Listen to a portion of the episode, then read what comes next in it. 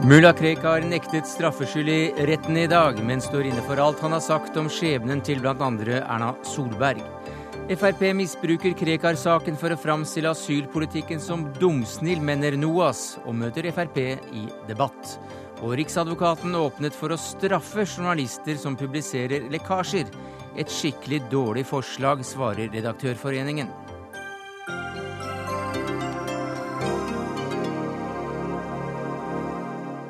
Ja, Dette er noen av sakene i Dagsnytt 18 denne onsdagen, hvor vi også skal snakke med en forfatter ved navn Knausgård om hennes nye novellesamling.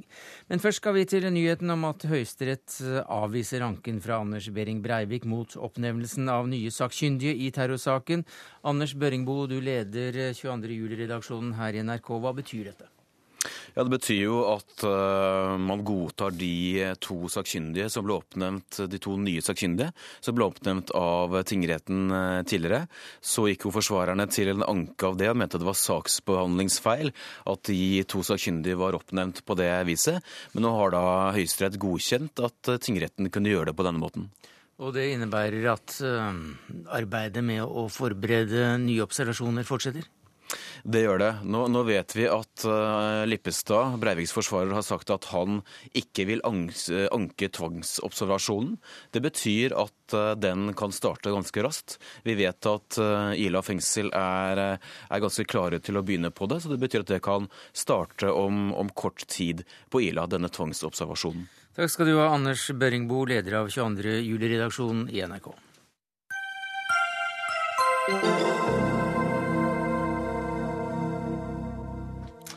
Fem personer ble altså skadet da et NSB-tog, et av de nye, sporet av mellom Tønsberg og Holmestrand i dag. Konserndirektør i NSB Tom Ingulstad, hva mer kan du si om denne ulykken? Ja, Det er jo en svært alvorlig ulykke, og vi har jo fem skadede medarbeidere. Heldigvis ser det ut til at vi nå får eh, melding om at det ikke er livstruende skader. Uansett er det en alvorlig ulykke for vår del. Hva mer kan du si om eh, eventuelt årsaker? Nei, Årsakene kan jo ikke jeg nå, nå, spekulere i. Vi bistår politiet og vi bistår Havarikommisjonen teknisk sett med å fremskaffe de opplysningene og de tekniske informasjonene de skal ha. Og så er jo, må vi eh, avvente konklusjoner og eventuelt forhånds- eller tidlige konklusjoner derfra. Men hva med hastigheten her? Ja, Hastigheten er jo alltid ett av de temaene som skal undersøkes i forbindelse med en, en, avsporing. Så det vil jo bli kartlagt, og det har vi jo utstyr for med ferdighetsskriveren om bord i toget. Men Hvilken hastighet hadde toget da ulykken skjedde? Ja, Det vet vi ikke, det må vi jo lese av. Eh, og det er det Havarikommisjonen som skal gjøre som en del av etterforskningen. Hvordan er eh, skinnegangen på det aktuelle området? Ja, Skinnegangen har jo ikke vi i NSB noen sånn detaljinformasjon om, men eh, det er jo ikke noe spesielt dårlig skinnegang nedover der. Hvordan eh, går det med de skadede? Du nevnte at eh, det er ikke noen som er livstruende skadet, men det var en som var alvorlig skadet.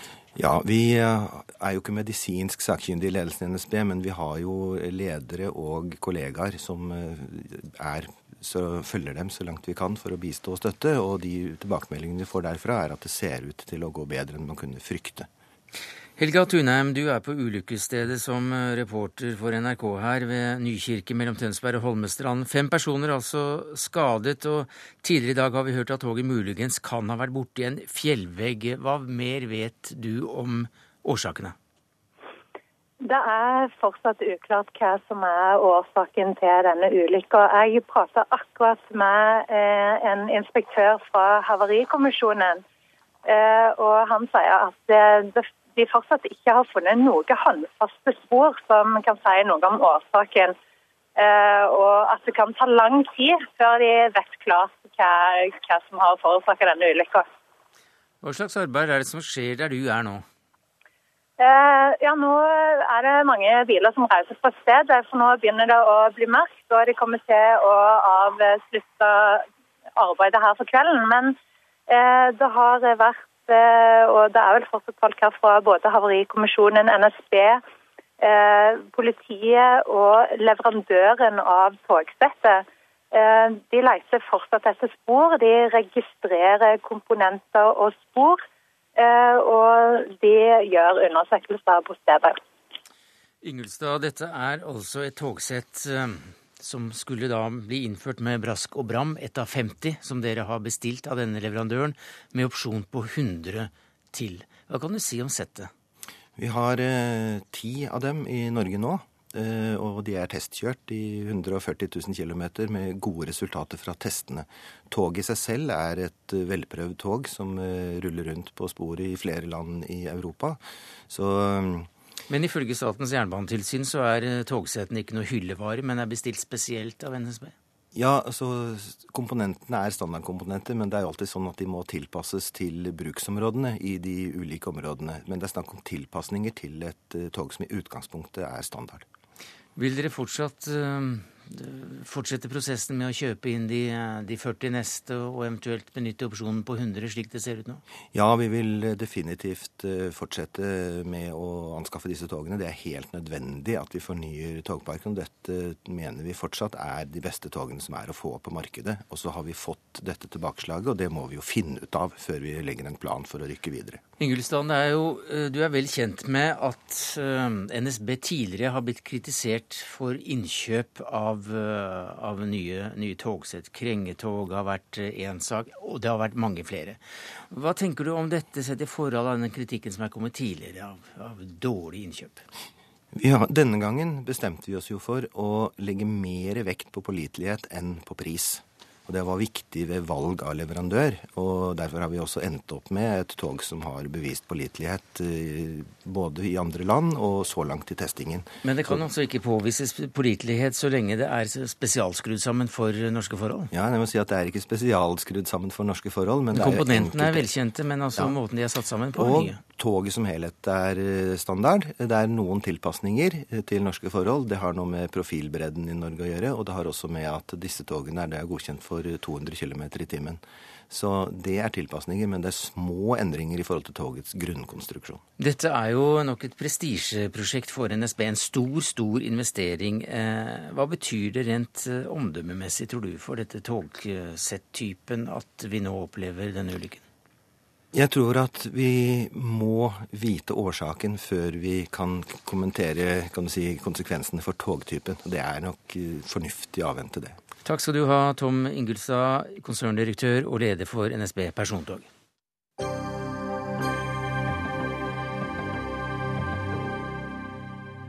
I går startet altså rettssaken mot uh, I dag startet uh, rettssaken mot mulla Krekar i Oslo tingrett. Krekar står som kjent tiltalt for å ha oppfordret til terrorisme og for å ha kommet med dødstrusler mot bl.a. Høyre-lederen Erna Solberg. Og Joakim uh, Reigstad, du er reporter i NRK. Du var til stede i retten. Hva skjedde? Ja, Det som skjedde i dag, var jo at man gikk gjennom formalitetene, rett og slett. aktor Marit Bakkevig begynte også da å, på sitt innledningsforedrag. Det besto i svært lite ord og veldig mye videoer. Hun viste, viste mye av det som egentlig er eh, hovedtyngden av bevismaterialet, bl.a. Uh, lydopptak fra denne pressekonferansen som uh, mulla Krekar holdt i 2010, hvor han framsatte disse mot, uh, disse mulige truslene da, mot Erna, Erna, Solberg. Og i tillegg også en australsk dokumentarfilm uh, og en amerikansk dokumentarfilm hvor Krekar medvirker. Ja, hva, hva, konkret har han sagt og gjort som gjør at han nå er i, er i rettssalen? Ja, det som er hovedbudskapet til Krekar i dette pressemøtet, som, som, da er så mye omtalt, som skjedde i 2010, det er jo at han sier at dersom Erna Solberg, eller dersom utvisningsvedtaket mot han effektueres, eh, så vil Erna Solberg lide samme skjebne som han gjør dersom han kommer tilbake til Irak, nemlig da han frykter jo å da bli drept, og da vil jo hun lide samme skjebne. Det er i hvert fall det eh, statsadvokaten mener. I tillegg så har han jo en hel rekke uttalelser i disse andre dokumentarfilmene, blant annet eh, dreier det seg jo da om støtte til angrepet på World Trade Center i New York i 2001. Eh, og også en, eh, en, støtte til, til eh, Osama bin Laden da, før hans død. Vel å merke er jo disse fremsatt. Under rettssaken reagerte en av, en av bistandsadvokatene på filming i salen. Hva var det som skjedde? Ja, Hva denne filmingen her egentlig innebar, det, det er jeg ikke helt uh, sikker på. Jeg, jeg, måtte inn og se på en, en mann som heter Avat Karkaky, eller noe i den retningen der, som, som visstnok da er skribent i en eller annen eh, islamistisk eh, nettside. Eh, jeg har prøvd å rett og slett søke han opp på nettet for å, for å se hvem denne personen er. Eh, han har noen videoer som ligger ute på, på nettet, eh, og også en, eh, tydeligvis står bak en nettside hvor mulla Krekar er svært omtalt i dag. antageligvis da i forbindelse med, med, filmen. Han sier selv at han kommer fra um, Unnskyld, i forbindelse med rettssaken. Han sier at han kommer fra England og har kommet helt herfra. Hvem han filmet Bistandsadvokaten til noen av de fornærmede som også sitter i salen, mener jo at de, han filmet de, men han selv hevdet jo at han eh, kun filmet Krekar. Eh, mobiltelefonene som ble brukt, eh, ble beslaglagt, og, og PST sier at innholdet skal være slettet nå. Hva mener du om akkurat dette her, Brynjar Meling, du er forsvarsadvokat? Nei, Det interessante med anskriket mot å bli filmet, var jo at den samme personen som gjorde anskriket, senere lot seg intervjue av TV 2. Så det var åpenbart hvem som filmet som var problemet, og ikke det at han ble filmet. Eh, om dette var noe som han gjorde for å få oppmerksomhet og lage litt hysteri rundt saken, det får andre svare på. Men eh, dette ble ordnet en, på en forbilledlig måte av statsadvokaten og PST, mm. og dette ble løst på stedet. Men så da til, til selve saken. Klienten din står uh, altså da inne for alt han har sagt, men nekter likevel straffskyld. Hvordan kan det henge sammen? Det er det som er den interessante diskusjonen som denne saken reiser. Eh, han hevder jo at han har svart på spørsmål. Eh, og at han har gitt de svarene som enhver rettroende muslim eh, vil måtte gi, basert på Koranen og en rett islamsk tro. Så er det da spørsmålet om dette er å anse som trusler i, etter norsk rett, eller om dette er noe som man kan si i kraft av og i medhold av både religionsfrihet og ytringsfrihet. Hanne Skartveit, eh, du er politisk redaktør i Verdens Gang, og du var også til stede i retten i dag. Hva slags inntrykk sitter du igjen med? Ja, det er jo en Krekar vi har sett tidligere. Han holder fast på uttalelsene sine. Eh, disse truslene mot eh, Erna Solberg, mot disse tre kurderne. Og han er eh, en islamist, en ekstrem islamist, og fremstår da som det. Det er jo slik vi kjenner han. Og Her skal vi også eh, nok en gang gå opp grensen mellom ytringsfrihet og det som kan kalles for åpne trusler, og hva vi kan tillate av det. Hvordan, hvordan ser dette bildet ut slik du ser det nå? Det er jo en krevende grenseoppgang. Eh, for vi har ytringsfrihet i Norge. En ytringsfrihet som eh, mulla Krekar jo ikke unner noen andre. Hvis han hadde fått bestemme, så hadde det jo slett ikke vært slik. Men det er en ytringsfrihet han like fullt bruker til å komme med trusler og krenkende påstander. Så er spørsmålet hva er innenfor ytringsfriheten, og hva er rene trusler? Det er et klassisk islamisttriks å pakke inn sine trusler i advarsler, som vi så Ali Bhatti gjorde under demonstrasjonen her for kort tid siden utenfor Stortinget. Eller når Brynjar Meling nå prøver å prosedere på at det er teologiske tolkninger. Men jeg tror de som hører det han sier, ikke er i tvil om at det oppleves for de som mottar disse uttalelsene, som trusler. Eh, hvor går grensen, eh, mener du, Melding, mellom trusler og, og, ytringsfrihet? Det som er på det rene i denne saken, er at alle de truslene som nå skal Eller det som er påstand om trusler, det er uttalelser som er kommet og som ikke er iscenesatt av Krekar selv. Det er ikke noe f.eks. hvis du tar sammenligning med Batti, noe som han har sagt i en demonstrasjon. Det er i fora hvor han har blitt forelagt problemstillinger.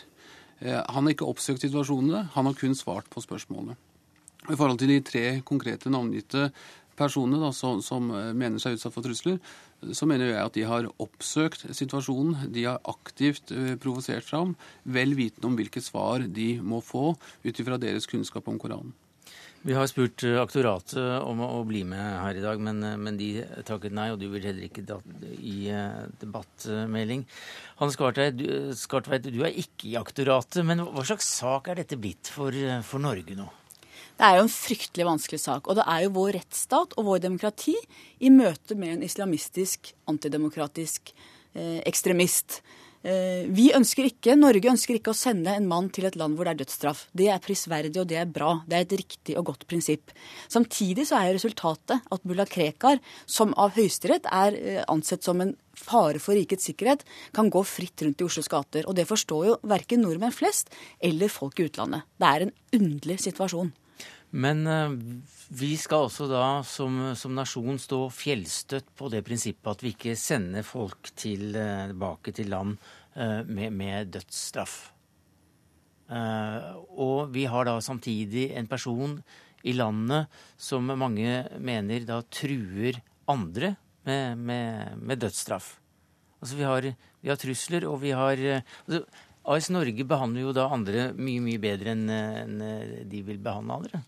Ja, du kan si at det er vår overlegenhet. Det Mm. er våre verdier som jeg mener vinner over disse andre verdiene. Sånn er det i et liberalt samfunn. Ja, og det som er paradokset her, er at uh, mulla Krekar rakker jo ned på vårt system. Eh, Og det er det samme systemet som beskytter han og faktisk beskytter hans liv. Det er ganske drøyt. Hvordan blir resten av denne prosessen, Meling? Det blir interessant. Eh, Det blir interessant å følge. Viktig å få fram eh, konteksten i hvordan disse uttalelsene er kommet. Og jeg ser veldig fram til å høre mulla Krekar selv forklare hva dette bygger på, og, og forsøke å danne et bilde som, som gjør det mulig for retten å forstå at dette faktisk ikke er straffbare trusler, men at dette er noe som han er i sin fulle rett i et land med religionsfrihet, i et land med ytringsfrihet. At dette er ytringer som han er, har lov å komme og som vi beskytter. Hva vil du prosedere på? Jeg vil prosedere på nettopp det.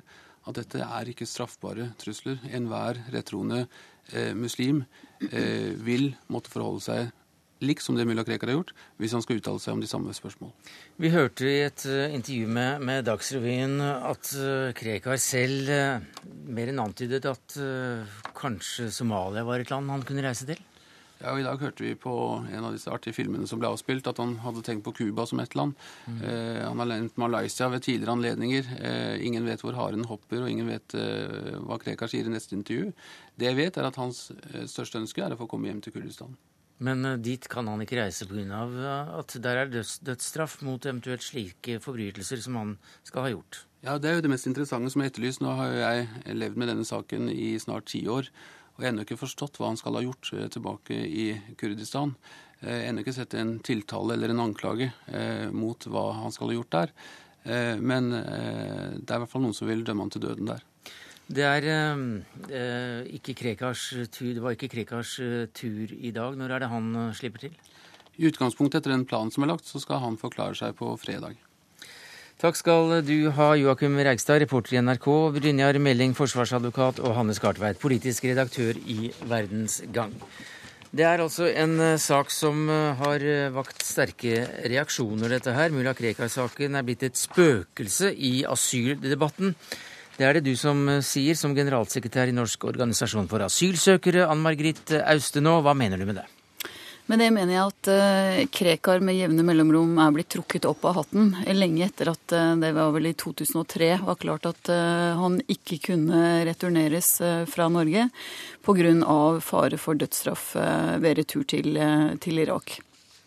Og det gjøres, eh, opplever jeg, for å holde liv i en illusjon om at Norge ikke har kontroll på flyktning-, asyl- og innvandringspolitikk, og at det er nødvendig å stramme til, og at dette er en symbol på ja, Som FrPs tidligere asylpolitiske talsmann sa, at Norge er en frihavn for terrorister. Så det er Frp først og fremst som bruker dette som et slags kort? De gjør det i hvert fall. Hva sier du til det, Ketil Solvik-Olsen, nestleder i FrPs stortingsgruppe? Jeg syns det er helt naturlig at når vi har en sak som Krekar, eh, som fortsatt går, der du ikke får en konklusjon, der du ikke får en person som er en eh, trussel mot rikets sikkerhet, som er dømt som det, og som har et utvisningsvedtak på seg, når du ikke klarer å få en god løsning på det, så er det åpenbart at det er mangler i norsk asylpolitikk som jeg syns det er helt legitimt at vi påpeker og tar opp inntil en klarer å få en løsning på det. Det er ikke nok at Arbeiderpartiet ved enkelte anledninger sier at de skal stramme inn, har utvalg som jobber med det, når de ikke gjør vedtak i Stortinget og i regjering som endrer politikken.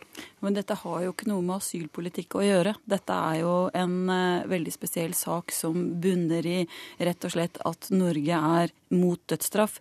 Så da lurer jeg på om Fremskrittspartiet egentlig ikke er det. Mener de at vi skal gå bort fra det, at vi skal eh, slutte å støtte konvensjoner som, som forplikter oss til ikke å returnere til land hvor de kan være utsatt for dødsstraff eller umenneskelig behandling? Nei, Selvsagt, vi er imot dødsstraff, og vi vil ikke sende folk til den visse død eh, i andre land. Så kan vi være uenige og diskutere hvor godt Arbeiderpartiet har gjort den jobben med å prøve å få til en eh, god nok avtale med å få sendt han ut.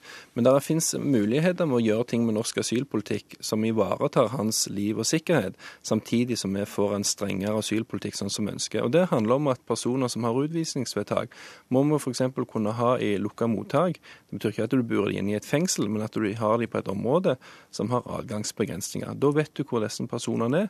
Og Det handler jo om mye mer enn mulla Krekar. for det handler om nærmest daglige nyhetssendinger der du får vite om folk som har utvisningsvedtak på seg, men som allikevel utnytter norsk gjestfrihet til å selge narkotika og gjøre andre kriminelle ting. Ja, Nå slår dere sammen sånn epler og pærer. Det er Fremskrittspartiet supergode på. Og igjen så, så trekkes da Krekar eh, indirekte inn her. Også Grunnen til at Krekar er her, er det at han er utsatt for uh, dødsstraff. Uh, og det er uttalt så sent som uh, seint uh, i fjor. Og jeg tror ikke det er en politiker jeg er på Stortinget som er uenig med Fremskrittspartiet i at man helst skulle ha kunnet returnere han til Irak, men det kan vi ikke fordi at vi er forpliktet på en del rettsstatslige prinsipper og internasjonale konvensjoner.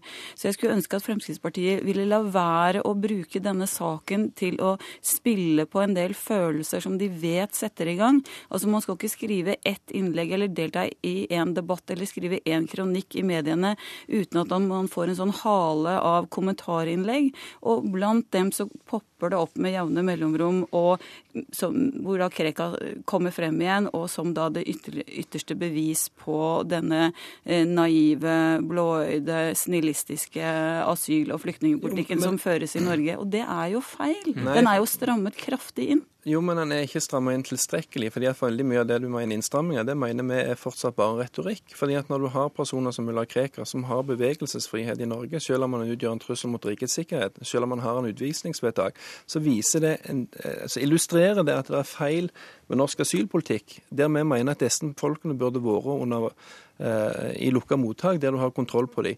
Og så mener jeg at ja, hans sak er ikke den samme som de som utnytter norsk gjestfrihet og norsk asylpolitikk ved å deale narkotika eh, i Oslo sentrum, sånn som vi har fått flere eksempel på òg gjennom eh, nyhetssendinger bare den siste uka. Det er ikke den jevne asylsøker nei, som dealer narkotika. Nei, men, men poenget, det er ikke det. Men hvorfor nei, sier du det sånn da? Jo, men poenget, du setter en bindestrek. Forklare det til deg når du utfordrer ja. meg på det?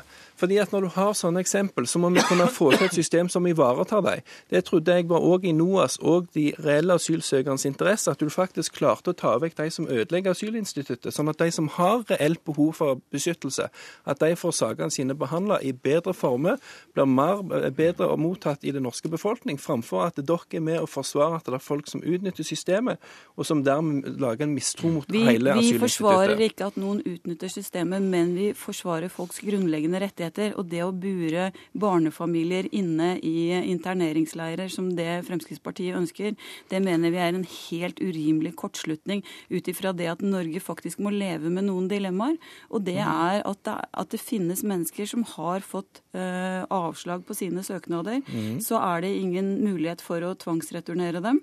Og da er det noen av dem som er redde, eller av andre grunner så velger de å bli i landet. Det er et ganske lite problem i forhold til til det å ta fra barn helt grunnleggende rettigheter, som det dere ønsker å gjøre? Nei, Jeg mener det er ryddig og det er, det er riktig at folk som ikke, lenger, ikke har rett til å være i landet, som har et utvisningsvedtak, de skal vi ha kontroll på hva er. Det er mange av disse som du ikke får eh, etablert identitet på. Da skal du heller ikke la de få lov til å bevege seg rundt i landet. At det er barnefamilier, ja det mener jeg òg er en problematisk sak. Da er, vi, der, der er dere to enige om at det er problematisk. Men Ketil Solvik-Olsen, altså i debatten rundt utvisningen av Maria Amelie i fjor, Mm. så uttalte FrPs Per-Willy Amundsen at det var feil å sende ut henne, mens en mann som mulla Krekar fikk bli. Ja, fordi at det, eh, det viser jo altså hvordan eh, Amelie, som de fleste syntes var sympatisk, som ikke utgjorde en trussel, men som allikevel hadde misbrukt systemet, ble altså eh, regelrett og sendt ut veldig raskt, mens mulla Krekar får bli. Og Der er det jo åpenbart en, en ulike behandling. Nå ble det jo en del mer med den saken etter Per-Willy Amundsen hadde uttalt dette, ved at en endra regelverket. Og kanskje ikke akkurat pga. hans uttalelse, men, men, uansett for, for, for så, så, kobler men, du da Amelie-saken til Krekar. Jo, men fordi at det, altså, det, viser jo at det er mange aspekt med norsk asylpolitikk der det skjer masse mm. det, det, er mange som får en god behandling og som fortjener å bli, og de skal få bli. Men så er det veldig mange som òg eh, utnytter systemet, og der må vi kunne være tøffere med dem. Slik er eh, Krekar en slags, slags referanse? Ja, igjen og igjen så hales han frem, selv om, eh, selv om, Fremskrittspartiet sier at jo, da han Nei da, han er ikke det samme som Men likevel så er han da bildet på asylsøkeren som utnytter systemet. Han er ett av mange bilder. Et av mange han bilder. er ikke noen asylsøker. Eh, mulla Krekar er her av én grunn, og det vet Fremskrittspartiet godt. Men dere vet også at dere kan spille på folks negative følelser knytta til mulla Krekar, og dermed få stemningsbølger for deres ekstreme innstramminger i asylpolitikken og det å ønske om å frata barn og barnefamilier og folk som er i sårbare situasjoner, et minimum av helt sånn grunnleggende friheter. Nei, men Nå forsøker du å bruke mulla Krekar som, som på en måte et skremmebilde for at det er mange barnefamilier her som du mener bør burde bli, selv om de har et utvisningsvedtak. Nei, jeg sier ikke at de burde bli. Rett og slett uenige. Jeg mener at kommer det en familie her som har med barn, så er det selvsagt det, det gjør saken mer problematisk, spesielt på, på, på den menneskelige sida. Men det gjør ikke at du allikevel kan begynne å sette til side asylpolitikken. fordi at da vil du bare få enda en grunn til at folk ser en mulighet til å smette inn og utnytte det. Men altså, enn så lenge så holdt vi også en ganske klar linje her ved å snakke om, eh, om eh, mulla Krekar og mm. hva som skal skje med han, og hvor hans navn blir brukt i debatten. Det gjorde vi takket være deg, Ketil Solvik-Olsen, nestleder i FrPs stortingsgruppe, og Ann Margrit Austenå, generalsekretæren i Norsk organisasjon for asylsøkere. Dagsnytt 18 alle hverdager klokka 18.03 på NRK P2.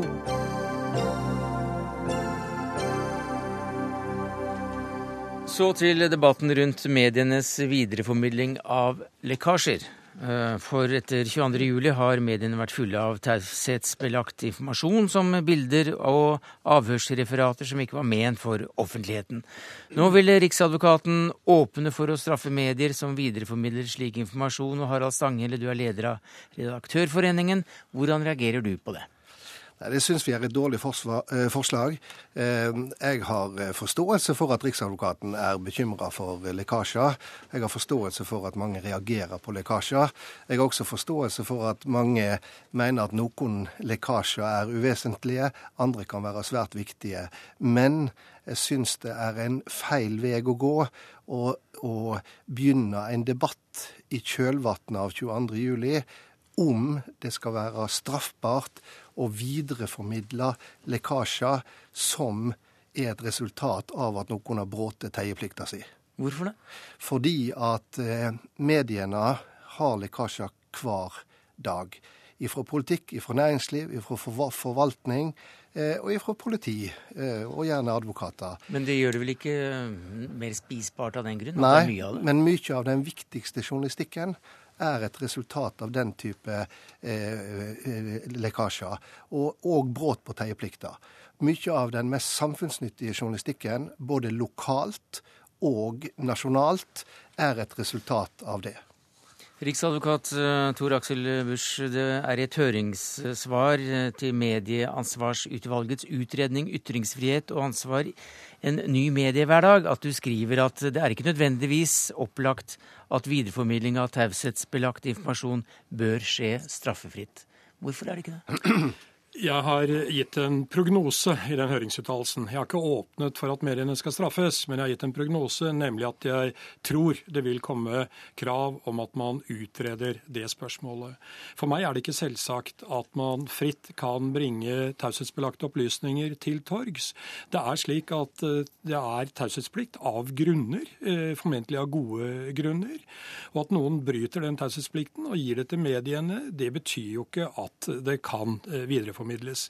Nå er det ikke slik at jeg ikke ser at det her er hensyn som trekker i andre retninger, og at hvis man skulle tenke på et forbud, så måtte det begrenses. Eh, det ser jeg absolutt. Men altså, så langt så har jeg i og for seg bare sagt at uh, la oss utrede det. Og pressen, reflektorisk, fy, nei, uheldig. Tenk om vi en gang kunne hatt en presse som sa ja, la oss utrede dette. Så flott. Så får vi fram alle hensynene, og så kan vi gjøre en avveining i ro og mak. Da tror jeg faktisk at medienes argumenter ville blitt tillagt større vekt. Men stuper ned i skyttergrava, og der er de. Jeg eh, tar i grunn det poenget, og det er ofte at vi i mediene stuper ned i skyttergraver. Gjelder for så vidt flere fag, det, tror jeg, Bush, ja. men, eh, men, vi gjør det også. Men det er på noen områder der vi trekker ei linje i, i sanden, og det er når eh, du eller andre i den maktposisjonen som du representerer, eh, lufter tanken, for det er det du gjør. Du trekker ikke et klart forslag, du kommer ikke med et framlegg, men du lufter tanken om å innføre eh, eh, straff, innføre et lovforbud eh, eh, mot å trykke opplysninger som er uautoriserte, altså som ikke er godkjent av styresmaktene, men som er et brudd på teieplikta. Selvsagt har du rett i at det er en grunn til at det er teieplikt, men vi vet begge at det har vært viktige saker som har kommet offentligheten for øre, blitt rydda opp i fordi noen har brutt teieplikta. Og hvis det skal være straffbart å videreformidle det, da tror jeg at vi tar et steg i gal retning, og ikke i rett retning. Og så kan vi diskutere gjerne det. Vi, vi, vi, må få en avgrensning i så fall. Harald Stanghelle vet veldig godt at jeg har gjort meg til talsmann for at uh, det ikke bør være en regulering slik vi har hatt uh, i Norge. Man har jo trukket fram situasjonen i England bl.a., og jeg har sagt at dette har fungert på et slags vis med pressens uh, selvjustis. og jeg har ikke... Ja, England har et strengere regime i så, i så måte? Ja, mm. de, de tiltaler og gir bøter, altså mm. forholdsvis store bøter til medier som hadde oppført seg sånn som her i, i, i Norge. Det er det ingen tvil om. Eh, men jeg har altså ikke gått inn på, på, den veien tidligere. Men når man nå eh, ser hva som har skjedd etter 22.07, og hvor vi har hatt en helt ny situasjon Lekkasjer har vi hatt til alle tider, for all del. Men vi har ikke hatt lekkasjer av komplett saksdokumenter, slik vi har nå.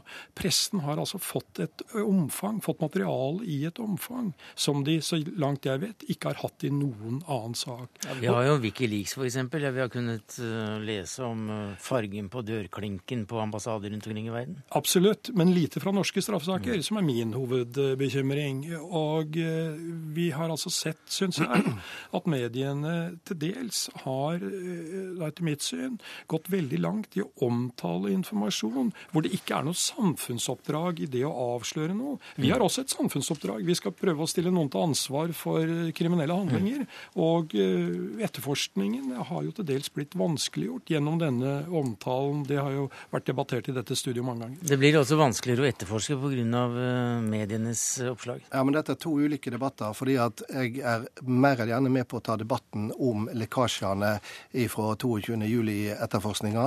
Noen av de har vært uvesentlige, noen har vært svært viktige, og en av de viktigste har vært psykiatrirapporten, som har faktisk ført til to nye sakkyndige, som Høyesterett eh, har stadfest senest i dag. Og til at Bush selv og, går inn for å se på dette på nytt. Ja, og, mm. og, og, nettopp. Så det har hatt en betydning. Men den ene diskusjonen er altså 22. juli, og, også de uheldige sidene av lekkasjene. Det. Den andre diskusjonen er det som er hovedtema for meg. Det er skal det gjøres straffbart straffbart å videreformidle lekkasjer. Men Da holder vi oss til den ene foreløpig, Kristian Lundin. Du representerer 70 klienter som bistandsadvokat i terrorsaken. Hvordan reagerer du på ja, Det er ikke noe forslag fra Riksadvokaten, men at han uh, lufter noen vage ideer om at det absolutt ikke bør være naturlig at det er straffefritt å gå rundt og, og formidle lekkasjer.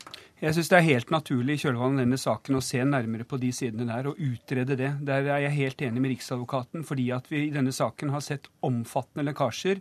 Disse opplysningene er videreformidlet via media. Lekkasjen i seg selv er helt uforståelig at noen kan eh, gjøre.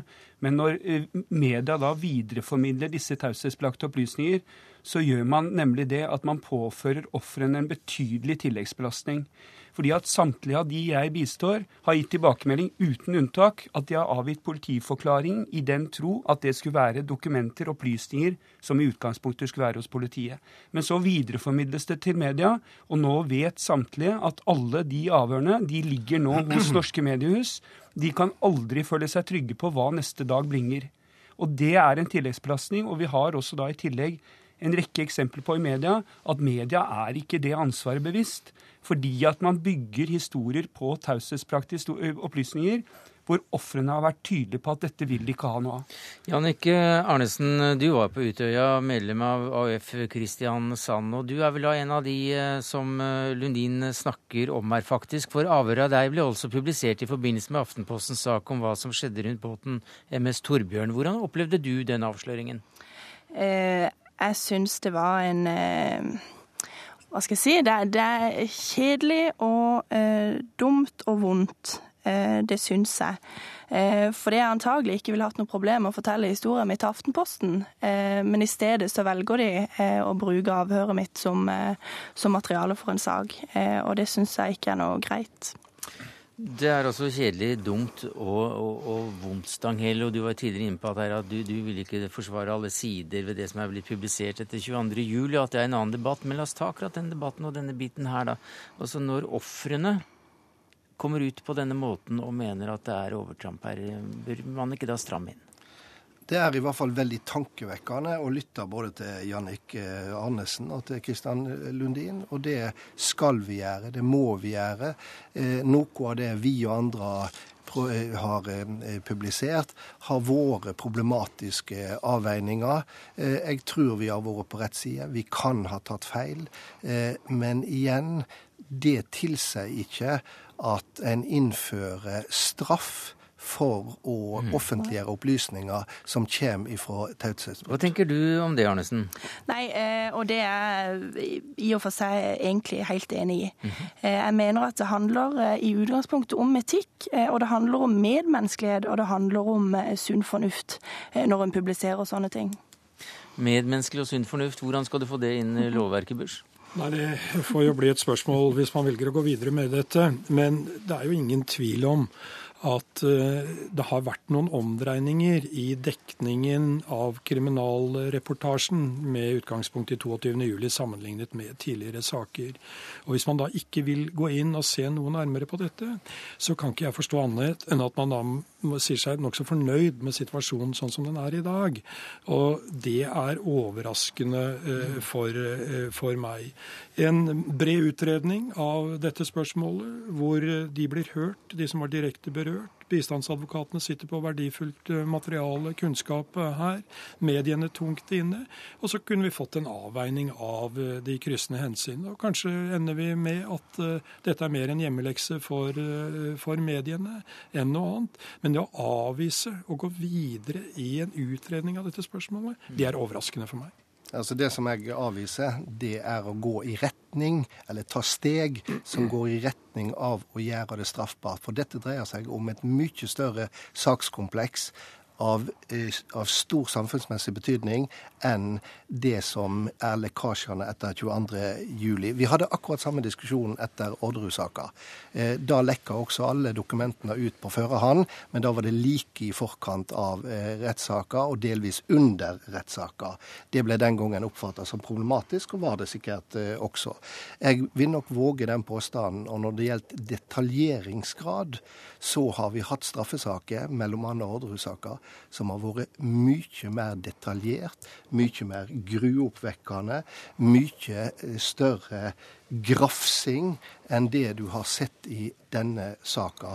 Og så forstår jeg at det kan sitte klienter av Lundin og andre og være bekymra for når avhørene er i mediehusene, vil de da bli brukt?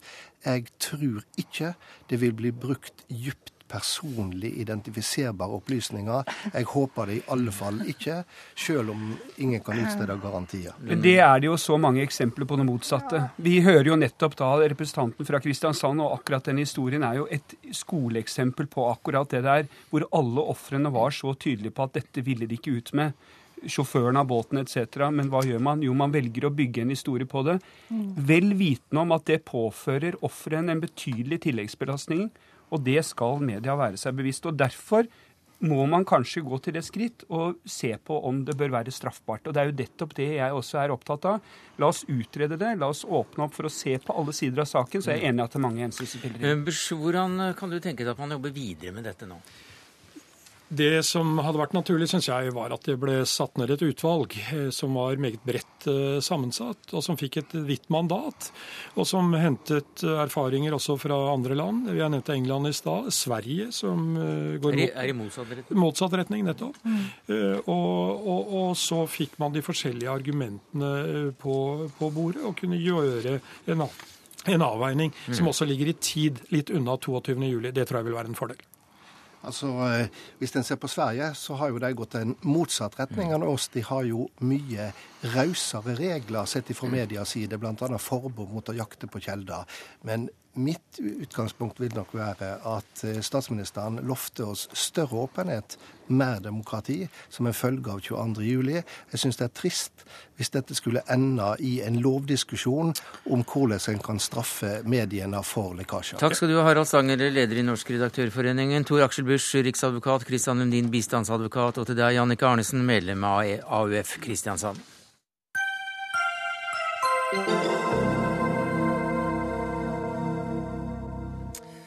Nå skal det handle om en bok om eh, Barentshavet, som veier en god del kilo, men så dreier det seg om et eh, stort område fra Sørkapp i nord til Nordkapp i sør, og bortover til høyre der oppe til Karalhavet og Frans Josefs land, en del av Nordishavet som tar ca. fire ganger mer plass på vår klode enn det landet vårt gjør. Hva er det som kjennetegner dette området, Ole Arve Misund, du er nestleder for Havforskningsinstituttet? Det er et uh, veldig produktivt uh, havområde som, uh, med store sesongvekslinger. En kald vinter, en kort vår og en veldig produktiv sommer. Og også utover høsten foregår det veldig mye i dette havområdet. Det gir nå grunnlag for noen av de største fiskebestandene i verden, bl.a. en rekordstor torskebestand. Og det er et område der fiskeriene er rimelig godt forvaltet. Kanskje det området der fiskeriene er aller best forvaltet. Eh, og Det er altså et område som deles mellom eh, Norge og, og Russland. Eh, og Det vi har gjort i denne boken, det er å summere opp kunnskap som er fremkommet gjennom et 50 år langt mm. formelt forskningssamarbeid med vår store nabo i øst, Russland. Og, der er Havforskningsinstituttet her i Norge og, og PINRO, det russiske havforskningsinstituttet i Murmansk, som står bak denne boken. Det er mer enn 100 forfattere. Den veier 1,94 kilo eh, og er en tung bok. Mer enn 300 000 eh, ord.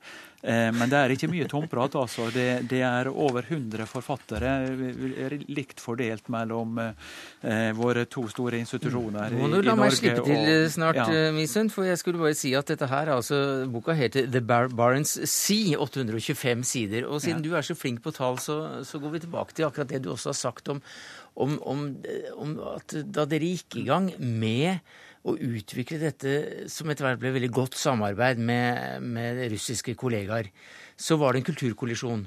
For de var, opptatt, de var ikke så opptatt av å telle som det dere var. Hva var de opptatt av? De har kanskje vært mer opptatt av de økologiske eh, sammenhengene, de økologiske relasjonene. For oss eh, har det vært de kvantitative mm. Eh, eh, aspektene, hvor stor bestanden er. Så de tenkte mer moderne på, på ekosystem? Ja, og, og, det har etter hvert eh, Vi har jo funnet eh, sammen i dette mm. så, gjennom det som nå på moderne fagspråk kalles en økosystemtilnærming, og har økosystemtokter og sånne ting. Odd Nakken, eh, som seniorforsker ved Havforskningsinstituttet, så har du, du har vært med en eh, stund, om ikke helt tilbake til 1860-årene, da, da, da, det hele begynte. Men hvorfor i all verden tok russerne først kontakt med Norges store pioner innen feltet, Johan Hjort? Ja, det tror jeg var, hadde sin bakgrunn i at det er jo et veldig gammelt, lenge før 1850 òg, så er det et fiskeri oppe på Finnmark og Murmanskkysten som både nordmenn og eh, russere dreiv. Så de var virkelig interessert i å finne mer ut om ressursene der oppe. Og, og hvorfor de vekslet. Og silda forsvant. Jo, men det var jo mye seinere, da. Ja, for dette skjøt jo da for alvor fart på, på, på 1950-tallet av alle tiår. For det var jo den kalde krigens absolutte, absolutte nullpunkt. Hvordan merket dere som var med fra 60-årene denne kalde krigen i samarbeidet med russerne? Nei, Vi merka den kalde krigen relativt lite. Riktignok så var de første åra på 60-tallet, når jeg var med, så var det helt sikkert det vi kaller kommissærer med på, på toktene og på møtene som vi hadde. Etterretningsoffiserer? Jeg, jeg vil tro et eller annet sånt. da. På begge sider? Ja, det vet jeg ikke om det var noe Jeg tror ikke det var noen offisielle fra vår side, men jeg tror det var mer offisielt at det var en, en sånn litt eh, politisk aktør med fra russerne den gangen. Ja, du, du, hadde, du, hørte vel nyss om at det kanskje var en og annen nordmann som hadde, hadde visst oppdrag på si? Det eneste jeg kan huske om det, det var at det kom en mann til meg, mm. en av våre ansatte om bord i båtene en gang, og spurte om hva jeg ville si til Det var mens jeg var nestleder, da på slutten på 70-tallet. og spurte hva jeg ville si til at han tok et sånt oppdrag. Og Da sa jeg det at jeg vil helst ikke vite noe, jeg vil ikke vite noe om det. Og hvis det er slik at neste gang vi er i Murmansk, at direktøren der kommer til meg og forteller det, at, at du driver med sånt, så må vi prøve å omplassere deg, sier jeg. Ja. Nei, For dette er jo da historien om, om samarbeidet, og det er jo da eh, alt du ikke har turt å spørre om, fra biomassen fra krill og til hval, og nå også søppel og forurensning.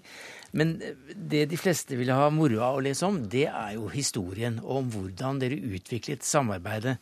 For dere gikk om bord i hverandres båter, og det da midt under den kalde krigen. altså da, ja, det... det var kaldere, Den kalde krigen var kaldere i nord enn mange andre steder. Ja, men ikke for oss, altså. Det var Én ting var det at vi hadde møter der vi forberedte dette, enten i Murmansk eller Tromsø. Da skrev som regel rapportene når vi kom inn til Tromsø. Men, eh, men ute på sjøen så var det slik at da ropte vi på hverandre, snakket sammen. Mm. Og hvis det var slik at vi fant ut at vi måtte om bord til hverandre, så gikk vi om bord til hverandre. Det er blitt uh, fortalt om at det også var en vodkaflaske eller to inne i bildet? Det hendte ikke i sjøen, altså. Nei. Men uh, dere sier at dere representerte en kompromisskultur. Ja, det, Hva er det for noe? Det veit jeg ikke. Jeg, Misund? Altså Det tror jeg er mer eh, situasjonen når vi kommer eh, over i eh, den norsk-russiske fiskerikommisjonen, som på en måte bruker resultatet fra forskningssamarbeidet.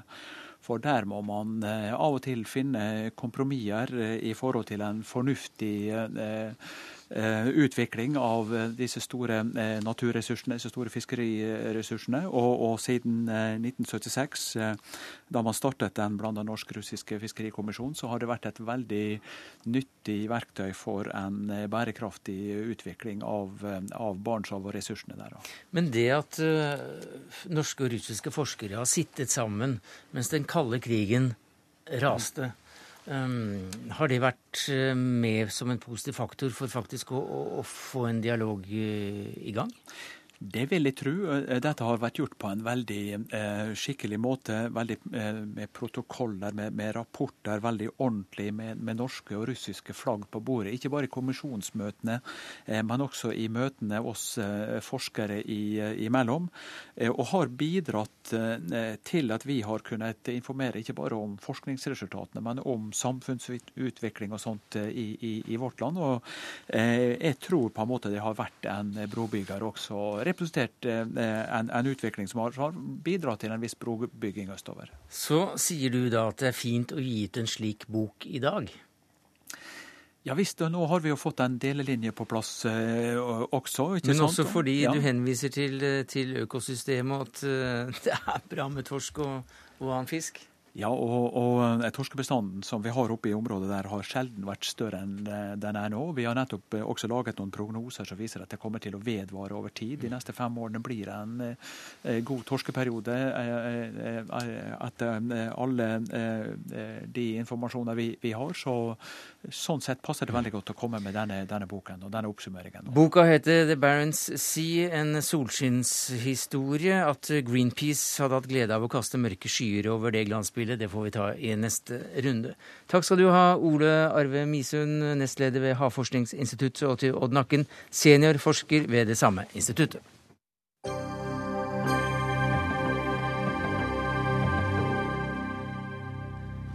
Linda Bostrøm Knausgård. Ja. Du har skrevet novellesamlingen Grand Mal. Mm. Hva slags bok er dette? Eh, det er en novellesamling novellsamling om store, som rymmer store spenn. Moderkjærlighet, liv, død. Mm. Mørker, ljus. Grand Mal er navnet på det største epileptiske anfallet. Och titelnovellen slutar i et sånt anfall. og det kanskje er en eh, form for mange av novellene. At det er noe annet som kommer ut, som ryster oss i vår vardag. Som kommer utifrån, som eh, omkastar ditt liv just når du ikke visste om det. Det er vel derfor også så mange anmeldere sier at de blir ganske urolige av, av boka. Altså du rastløs, litt, eh, litt, litt, litt, skremt. Men det er også da en novellesamling. 20 små tekster, små i antall ord, men så konsentrerte at boka har fått til dels svært god kritikk. Og den eh, enkeltnovellen som de fleste anmelderne både her i landet og i Sverige trekker fram, det er 'Ønsket', som boka åpner med. Ja. Og kan du lese litt fra den? Jeg håper at eh, noen har fortalt deg omtrent eh, hva du skal lese. Ja. Vær så god. Ønsken. Jeg har en ønsken. Den er oerhörd, men jeg vil at du skal lytte til den. Jeg vil at du skal gi meg det jeg ber om. Sett deg ned. Du har kommet for at jeg har kallet på deg. Jeg er takksam for det. Jeg har det svårt med min tro. Jeg er redd hele tiden. Jeg er redd just nå. Kan du kjenne det? Jeg skal fatte meg kort. Jeg vil at du lover meg at alle skal leve. Barnen, min mann. Jeg vil at de skal leve. Ingenting får hende dem. Du vet hva jeg taler om. Hvem er det du henvender deg til her? Du vet. Det er en åpen tekst. Det er leserens tolkning. Det kan være mørkrett redselen, Gud, djevelen. Men dette du nå leste beskrives i en anmeldelse som et jerngrep om mitt hjerte. Jeg blir aldeles overrumplad. Den er den beste og mest gastkramende innledning jeg har lest på åretall. Um, den mannen du beskriver, det er jo da din mann som er forfatter. Uh, hva er det du bringer inn i den uh, novellen med hans tilstedeværelse? Det står ingenting i novellen om at mannen er forfatter. Nei. Er det, ikke han, er det ikke mannen din du snakker om? Ja, det Det er jo en forhøyning i denne teksten. Det er det. Og det er en familie. Det kan være min familie, det kan være din familie, eller alles familie. Så det, det er inget uh, direkte um, Det er ingen direkte uh, mann. Det står mannen. Mm. Nei, for du, du skriver at, eh, at, vi leserne vi vet alt om, om, din mann. Og dermed så refererer jo veldig mange av de leserne de refererer det til, til Knausgård, som, ja. som, vi kjenner som mannen bak seks bind av Min kamp. Ja. Um, og og samtidig så skriver du også noveller som, som er vanskelig også, å finne referanser til, til, hva vi vet gjennom seks bind av uh, hans uh, kamp, hvori uh, mange hundre sider om deg ja. og, og, og, din familie. Og det er en Ekspressens anmelder som heter Åsa Berg, som ja. skrev kan Linda Bostrøm Knausgårds novelle leses oberoende av hvem hun er gift med? Hva ja. sier du til det? Ja, det kan, det kan de. det kan de. Og jeg tror at man gjør det om man leser boken. Jeg tror man kommer med masse, Om man har lest alle eh, Karl Oves bøker, mm. så har man forstås masse med forestillinger og meninger. Og, og det kanskje er svårt å legge det helt vekk. Det er vel Jeg antar at det, at det er det. Mm. Men eh, det går å lese som eh, romanfiguren eh, Linda og Karl Ove og roman, roman Karl Oves, altså, og fam, vår familie. Det, det, er jo litteratur, ja. og det er det her også. Men er det nyttig for leserne dine å vite at du holdt på å hoppe ut av et vindu, og at moren din ble outet som skapdranker av mannen din, som, som bakgrunn for oss å forstå novellene? Nei. Nei. Tykker du det? Eh, la nå det fare. Grand Mal, navnet også på det du sa, epileptisk eh, anfall av de, av de store. Ja. Det er navnet både på tittel og på samling. Og du selv har jo fått en, eh, en diagnose, en bipolar mm. diagnose, som vi mm. uvitende kaller for manisk depressiv. Mm. Hvordan har den bakgrunnen gått inn og formet deg som forfatter i denne novellesamlingen? Mm. Ja, jeg vet jo ikke om noe annet enn å være den jeg er. Jeg spiller med de kort jeg har. Um, så jeg skriver ut ifrån det temperament som, som uh, er mitt. Jeg kan ikke riktig si at um, det fins jo voldsomme stemningskast i denne här novellsamlingen mm. Grannmall som kanskje har røtter rötter ur sånne opplevelser som jeg har utifrån kanske min sjukdom. Men det är ju format i ett språk så jag... Ja. ja, Har det svar på din fråga? Ja. Eh, du har også blitt kjent som en radiodokumentar du brukte din sykdom veldig, veldig ja. aktivt. Ja. Eh, og den het vel 'Jeg kunne vært eh, president i USA'? Ja, jeg skulle kunne vært USAs president. Ja. Mm. Det viser vel noe av hvor du er når du er på høyden? ja visst. Ja. Eksakt. Men med da det som er kalt en debut, så er det jo ikke en debut. For du har Nei. jo skrevet før. Ja. En diktsamling for, som kom for 13 år siden og kortfilmsstykken og litt radioteater. Det hadde vært fint å være Linda Bostrøm Knausgård, forfatter, sa du til Lørdagsrevyen på lørdag. Hva mm. skal til før du får oppfylt det ønsket? Jeg tror eh, at den ønsket redan er oppfylt. Med den optimistiske tonen så, så avslutter vi her. Linda Bostrøm Knausgård, takk skal du ha som forfatter av boka Grand Mal. For det var alt vi rakk i dagens utgave av Dagsnytt 18. Takket være ansvarlig for det hele Karoline Rugeldal. Det tekniske ansvaret hadde Lisbeth Sellereite. Jeg heter Sverre Tom Radøy.